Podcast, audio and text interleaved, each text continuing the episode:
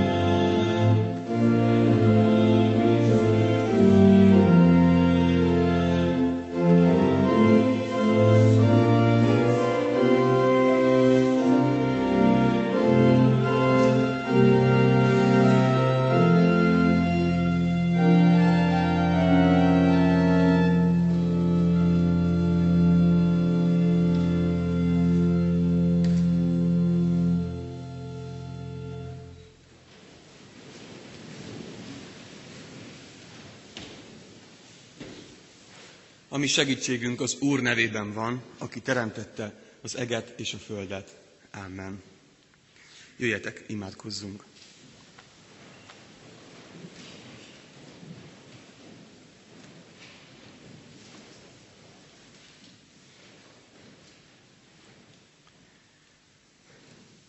Menyei atyánk, legelsőként a hiányainkkal, a hiányosságainkkal szeretnénk eléd, eléd jönni. Szeretnénk eléd hozni azt a sok hiány érzetet, ami bennünk van. Mindazt, amit hiányként élünk meg, amiről úgy érezzük, hogy hiányzik az életünkből. És ebből kifolyólag azt is érezzük, hogy hogyha azt birtokolnánk, a miénk lehetne, akkor, akkor teljes lehetne az életünk. Ezekkel a hiányosságokkal, hiányérzetekkel, hiányokkal szeretnénk elégy jönni most az imádságunkban, és elengedni ezeket, elé tenni, rád bízni. Még azokkal a hiányosságokkal is, azokkal a hiányokkal is, amelyeket talán meg sem tudunk fogalmazni, csak egy, egy nagy hiányérzet van bennünk, mintha az egész életünk egy nagy hiány lenne. Ezt is elég szeretnénk hozni.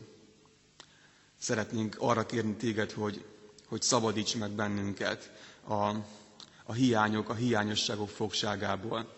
Taníts most bennünket, igéd által, szavad által, ahogyan megszólítasz bennünket arra, hogy, hogy mit jelent veled teljes életet élni. Szabadíts ki bennünket a hiányosságok, a hiányok fogságából. Ne engedd, hogy ezek rabságában éljünk, hogy ezeknek a mentén, ezek alapján határozzuk meg magunkat. Ne engedd, hogy a, a hiányosságaink legyünk mi magunk. Így kérünk téged, lelked is, igéd által, szólíts meg minket, taníts bennünket ebben a, ebben a nagyon fontos dologban, amely az életünket áthatja és, és át és átszövi, taníts bennünket, hogy hogyan legyünk szabadok mindettől, hogy valami pozitív dolog legyen az, ami bennünket meghatároz, valami felé történő törekvés. Így köszönjük, hogy ezt kérhetjük tőled, fiad Jézus nevében. Ámen. Testvéreim, Isten szavát Máté evangéliuma ötös részéből olvasom, boldog mondásokból, az ötös rész hetes verséből, amíg Isten igéjét olvasom és magyarázom, Kérem a gyülekezet foglaljon helyet.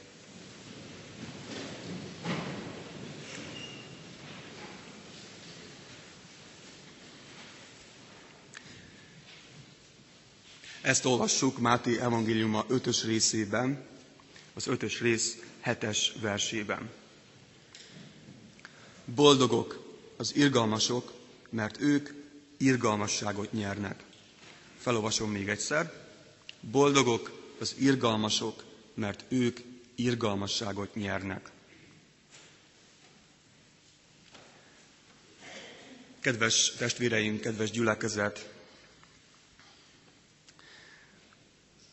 ezzel a szóval, kijelentéssel kezdődik ez a vers, mint a megelőző versek és a következő versek is. Boldogok. Egy kicsit időzünk el ennél az egy szónál, mert azt gondolom, hogy ez egy nagyon, nagyon ambiciózus, nagyra törekvő kijelentés. Boldogok. Csak gondoljunk bele abba, hogy hányféle megfogalmazást hallottunk már életünk folyamán, vagy hallunk folyamatosan arról, hogy kik a boldogok. Gondoljunk csak a reklámokra. Mindenki a saját termékét szeretné nekünk eladni, és minden, minden reklám, a, reklám arról szól, hogyha birtoklod ezt a ezt a szert, ezt a tárgyat, ezt a gépezetet, legyen az telefon vagy házhatási gépezet, akkor, akkor te boldog leszel. Az életed meg fog változni, minden megújul, mert neked erre van szükséged. Ez, ez volt az, ami hiányzott az életedből, és nagyon nagy dolog, hogy az a reklámos neked elmondta, hogy ez hiányzott az életedből. Millió dolgot hallunk naponta mindig megmondják nekünk azt, hogy kik a boldogok. Hogy mi a boldogság. És aztán talán ebben a boldogság dömpingben e, egyszer csak azt mondja Jézus is, hogy boldogok. És mi, mi az, ami megfogalmazódik bennünk, már megint valaki megmondja, hogy ki az, aki boldog. Próbáljunk egy picit túllépni ezen a, ezen a kiábrándultságon, vagy talán gyakran keserűségen, hogy talán már mi magunk is annyi, annyi terméket megvásároltunk, és annyi mindent kipróbáltunk, hogy, hogy boldogok lehessünk, hogy azt a hiányt, ami bennünk van, valami kitöltse, nem töltötte ki, próbáljunk egy picit túllépni ezen a kiábrándultságon és talán keserűségen. Itt más dologról van szó, egy másik, egy másik boldogságról. Ezt mondja az ige is, boldogok. Kik a boldogok? Ahány embert megkérdezünk, valószínűleg annyi típusú választ fogunk kapni erre, hogy kik a boldogok. Talán valaki azt válaszolná, hogy boldog lennék, hogyha lenne egy saját lakásom, vagy lenne egy saját házam. Ez az életem célja, ezt szeretném elérni, mert akkor boldog lennék. Ez hiányzik az életemből. De ez azt, azt jelenti, hogy minden egyes ember, akinek saját háza és lakása van, boldog kellene legyen. És lehet, hogy megkérdezünk öt olyan embert, aki, akinek van saját háza és lakása, mert talán megvásárolta, vagy örökölte, hogy boldog vagy-e. És valószínűleg azt mondaná, hogy hogyha ezt és ezt még elérném, vagy az és az az enyém lehetne, akkor boldog lennék. De a gyerekek is így vannak ezzel. Hadd mondjak egy, egy, egy példát a gyerekkoromból, egy nagyon, egy nagyon emlékezetes történetet. Nekem volt egy, egy különösen kedvelt uh, ukrán ételem gyerekkoromban, amit nagyon-nagyon szerettem, és nem tudtuk otthon elkészíteni, csak a városban lehetett kapni, és gyerekként, amikor mentünk a városba, hát egyet mindig ehettünk belőle. És azt gondoltam, hogy ha egyszer valahogyan annyit ehetnék ebből, amennyit, amennyit, amennyit csak bírok, akkor az engem nagyon boldoggá tenne. És édesapám azt mondta, hogy rendben, akkor annyit fizetek neked, annyit ebből az ételből, amennyit megbírsz enni. Kettőt bírtam megenni. Nem egyet, kettőt. Az egy másik történet, hogy, hogy mennyire, mennyire rosszul lőjük be gyerekként, és gyakran felnőttként is azt, hogy mi az, amire, mennyi az, amire szükségünk van nekünk a boldogsághoz, így visszagondolva most 30 évesen úgy érzem, hogy nekem ebből az ételből egy pont elég volt a boldogságomhoz. De a másik az, hogy, hogy nem, hoztam, nem hozta meg a várt boldogságot ez a dolog. Annyit ettem bőle, amennyit csak bírtam volna. Akár tizet is. Nem tett boldoggá. Bárcsak megkapnám ezt a számítógépes játékot karácsonyra. Bárcsak az enyém lehetne. Én lennék a legboldogabb gyerek a világon. Bárcsak bejutnék ebbe vagy ebbe az iskolába. Elérném azt a határt, azt a pontot. De vajon, hogyha megkérdezzük azokat a srácokat, akik abba az iskolába járnak, hogy ti boldogok vagytok, akkor valószínűleg nagyon kevés fiatal mondaná azt, hogy igen, én nagyon boldog vagyok azért, mert ebbe az iskolába járhatok. Hanem talán azt mondaná, hogy, hogy annyi program van, és annyi elvárás, és hát igaz, hogy ide vágytam, de jobb lenne valahol máshol. Nehéz dolog a boldogság, és nehéz meghatározni azt, hogy, hogy mi az, amire nekünk valósággal szükségünk van. Mi az, ami hiányzik? Boldogok. Kik a boldogok?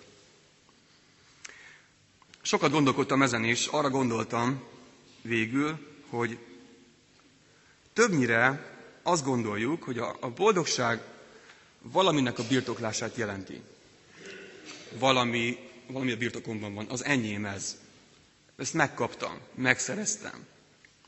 És persze ezek a dolgok általában valamilyen vágyott dolgok. Tehát nem, nincs még a birtokomban, mert ha már a birtokomban van, akkor rájövök, hogy nem tesz boldoggá, hanem ha ezt megszerezhetném, ha az enyém lehetne, ha birtokolhatnám, akkor boldog lennék.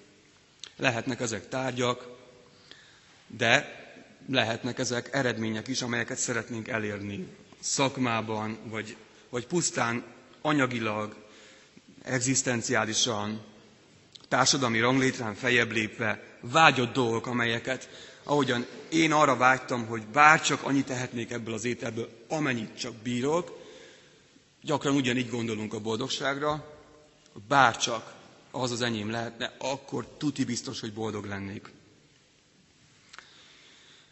Jézus ebben, a, ebben az egy mondatban, többiben is erről beszél, egészen más módon közelíti meg a boldogságot.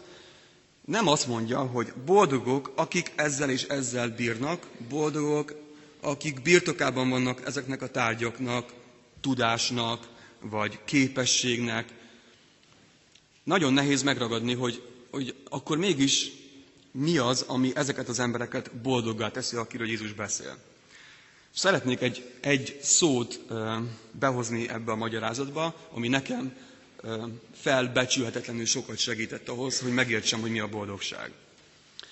Ez a szó pedig egy nagyon egyszerű hétköznapi magyar szó, a viszony, a viszonyulás.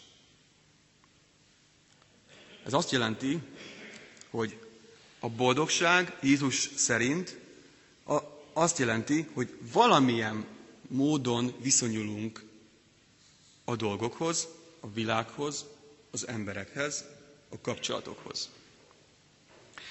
Egy dolgot még kifelejtettem, az előbb a gyerekekkel, gyerekekről beszéltem, hogy nagyon sok, sok ember azt gondolja, hogy boldoggá, hogy a gyerek boldogság, ami igaz. Ez egy nagyon fontos igazság. De vajon minden egyes szülő boldog, akinek van gyereke? Azért akartam ezt elmondani, ezt a példát is, mert a szülő-gyerek viszony nagyon jól megvilágítja azt, hogy Jézus miről beszél itt.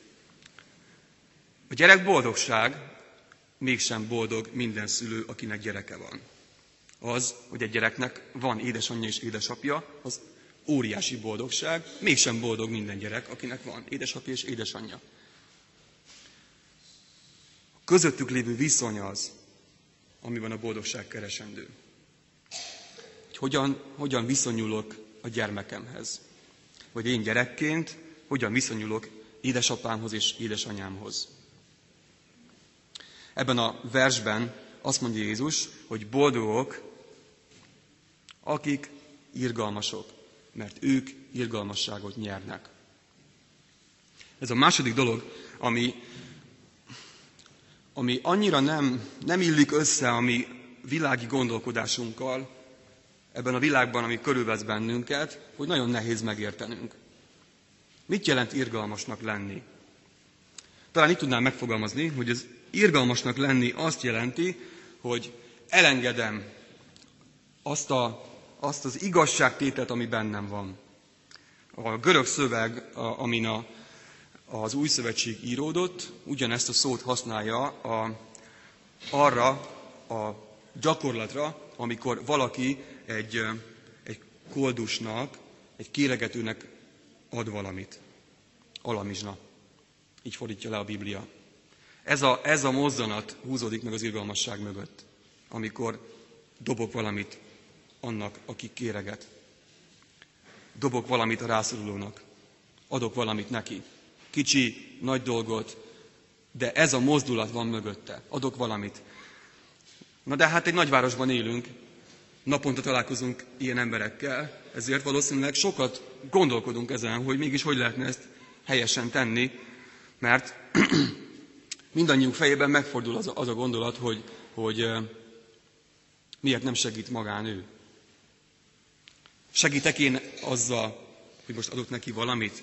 Vagy azt mondom, hogy én is nagyon kemény munka árán értem el azt, amit elértem, és ez mindenki előtt lehetőségként ott áll. Segíts magadon. Isten is megsegít. Amikor, amikor mégis úgy döntünk, hogy a pénztárcából kiveszünk egy bármilyen összeget, és odaadjuk a koldusnak, rászorulónak, akkor elengedjük ezt a személyes igazságtételünket. Nem számolunk azzal, hogy most ő rászorul-e, vagy nem, mire fogja költeni, hogy, hogy tehet-e arról, hogy ide jutott, vagy nem. Elengedjük ezt a bennünk lévő emberi igazság tételre történő igényt. Irgalmasságot cserekszem. Ez az irgalmasság. De ezt be lehet hozni a teljesen hétköznapi emberi kapcsolatainkba, és térünk vissza a szülő-gyerek viszonyhoz. Ugyanígy egy adomány az, amikor, amikor már sokat gyere térünk vissza a gyerekemmel valamire, és még mindig nem megy, és nem érti meg, hogy miért van nekem igazam, hogy egy időre fogom, és én elengedem ezt a dolgot. Azt mondom, hogy, hogy adok ennek egy kis időt. És sokszor pont ez az idő az, ami segít. De ez irgalomgyakorlás. Egyfajta adomány. Ugyanez a mozdulat van mögötte. És a gyerekeknél ugyanígy. A szülők, akik nem értik meg. És nehéz, amikor azt mondom, hogy de milyen, milyen, nagy dolog az, hogy vannak szüleim, és lehet, hogy nem mindig értek velük szót, de valószínűleg jót akarnak nekem. Ez is a gyerek részéről egy adomány a szülő felé. Ugyanez a mozdulat van. Odaadni és elengedni az én igazságomat, irgalmasságot cselekedni. Jézus egy példázatban azt mondja, hogy Isten ugyanezt teszi velünk. Irgalmasságot gyakorol, adományt ad nekünk. A szolgával, aki adósa volt a királynak, és elengedte a király ezt a hatalmas nagy adósságot. És az a szolga, amikor kiment a királytól, egy szolgatásán elkezdte követelni azt, ami, amivel a szolgatáson neki tartozott. De látták a többiek, és elmondták a királynak, és a király pedig számon kérte. Én elengedtem neked az adósságodat, irgalmat gyakoroltam, irgalmas voltam veled. Te miért, miért nem voltál irgalmas a szolgatásaddal? Irgalmasságot gyakorolni ebben a világban azt jelenti, hogy azt tesszük, amit Isten tesz az emberekkel. Ha nem, nem gyakorlok irgalmasságot, nem vagyok irgalmas, nem engedem el az igazságaimat, akkor ez egyre nagyobb ellenségeskedés szül. Egyre inkább egymásnak feszülnek az emberek. Irgalmasságot gyakorolni azt jelenti, hogy elengedem azt az én személyes igazságomat. És azt mondom, hogy nem haragszom, legyen így, elengedem, odaadom, bár úgy érzem, hogy talán nem érdemli meg a másik irgalmasnak lenni. És nagyon szeretem, hogy a Jézus és általában a Biblia megragadja azt a, azt a viszonosságot, ami a cselekvés és a cselekvés rám gyakorolt hatásában van. Csak gondoljunk a, a mi atyánkra. Bocsáss meg a mi védkeinket, miképpen mi is megbocsátunk az ellenünk védkezőnek. Az egymásra a, cselek, a cselekvésem hatást gyakorol rám, és ez oda-vissza hat. Itt ugyanerről van szó. Boldogok az irgalmasok, mert ők irgalmasságot nyernek. Ez pedig azt jelenti, hogy miközben irgalmas vagyok a fele barátommal, irgalmas vagyok az emberekkel, elengedem az igazságaimat, elengedem azt, ami nekem annyira logikusnak tűnik. Nem követelem, nem kérem számon. Közben elkezdem megtapasztalni, hogy ez történik velem. Így nyerek irgalmasságot. A megbocsátás azért jó példa erre, és ezt ki is jelenthetjük, hogy aki nem tud megbocsátani, az nem tud megbocsátást nyerni. Az tud megbocsátást nyerni, aki meg tud bocsátani az nyer irgalmasságot, aki irgalmasságot tud gyakorolni. Ez olyan, mint egy nyelv, amit ahhoz, hogy megértsük, hogy mit mond a másik, meg kell tanulnunk. Az irgalmasság is egy nyelv, az irgalmasság nyelve. Amikor megtanulom beszélni, egyszer alapszinten, aztán egyre jobban, megértem azt, hogy mit mond nekem Isten ezen az irgalmasság nyelven. Hogyan gyakorol velem szemben irgalmasságot. Ha nem beszélem ezt a nyelvet, nem értem, hogy Isten irgalmas velem, hogy Isten elengedi a követeléseit velem szemben. Elengedi az adósságot, nem kéri számon azt, amit pedig számon kérhetne. Amikor megértem, hogy Isten irgalmas. És az azáltal történik, hogy én magam is elkezdek irgalmas lenni. Visszahat rám az irgalmasságom, az, hogy irgalmat gyakorlok.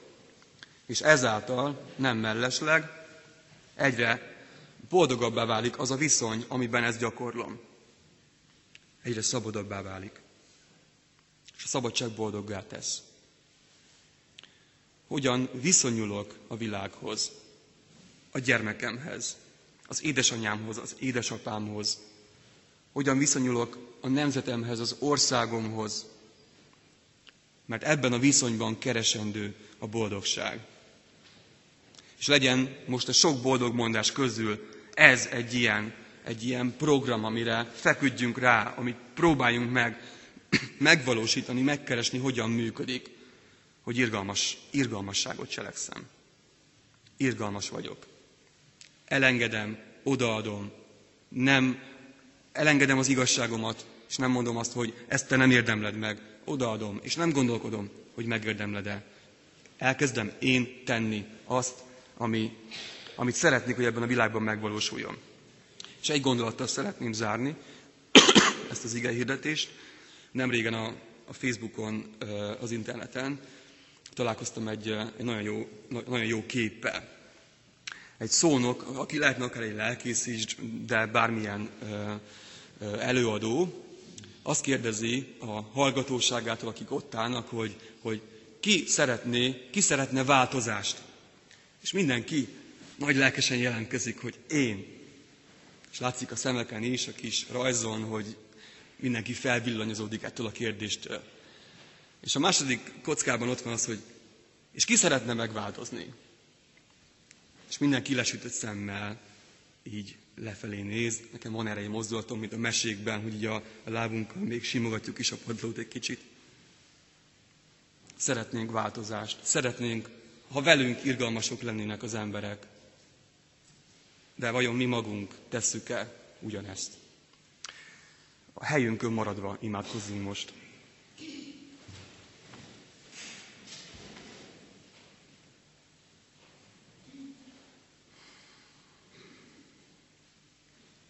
Istenünk, azzal a kéréssel szeretnénk hozzád fordulni, hogy lágyítsd meg a szívünket, ami annyira egyértelműnek és logikusnak tűnő igazságainkat, másokkal szembeni követeléseinket.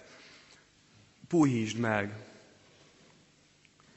Add, hogy ki tudjuk nyitni a markunkat, a kezünket, és elengedni azokat a követeléseket, amelyek, amelyeket számon szeretnénk kérni másokon. Tegyél bennünket sóvá, világossággá, akik, akik hatást fejtenek ki a környezetükben, a világban. Szabadíts ki bennünket abból a várakozó szemléletből, hogy bárcsak velem ezt tenné valaki, bárcsak, bárcsak az enyém lehetne ez. És taníts bennünket arra, arra a cselekvő magatartásra, amikor elkezdem megcselekedni azt, amire vágyom, hogy bárcsak velem cselekedni ezt valaki. Hadd, fej, hadd fejthessük ki mi azt a hatást ebben a világban, amire vágyunk.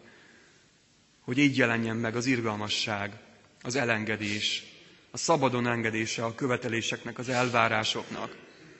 Puhítsd meg a szívünket, a gondolatainkat.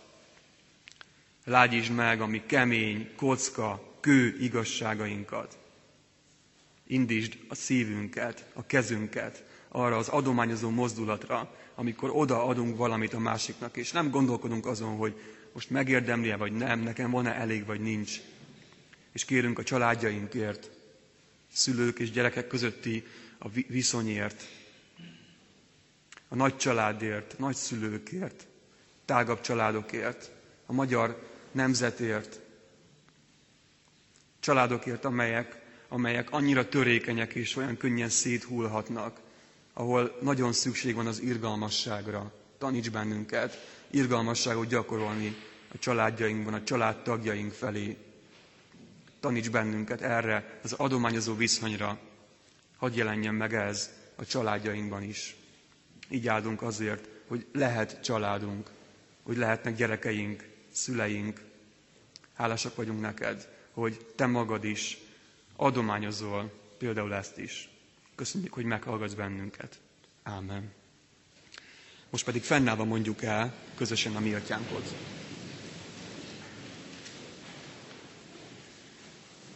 Mi atyánk, aki a mennyekben vagy, szenteltessék meg a te neved, jöjjön el a te országod, legyen meg a te akaratod, amint a mennyben, úgy a földön is. Minden napi kenyerünket add meg nékünk ma, és bocsásd meg védkeinket, miképpen mi is megbocsátunk az ellenünk védkezőknek. És ne vigy minket kísértésbe, de szabadíts meg a gonosztól, mert tiéd az ország, a hatalom és a dicsőség mindörökké. Amen.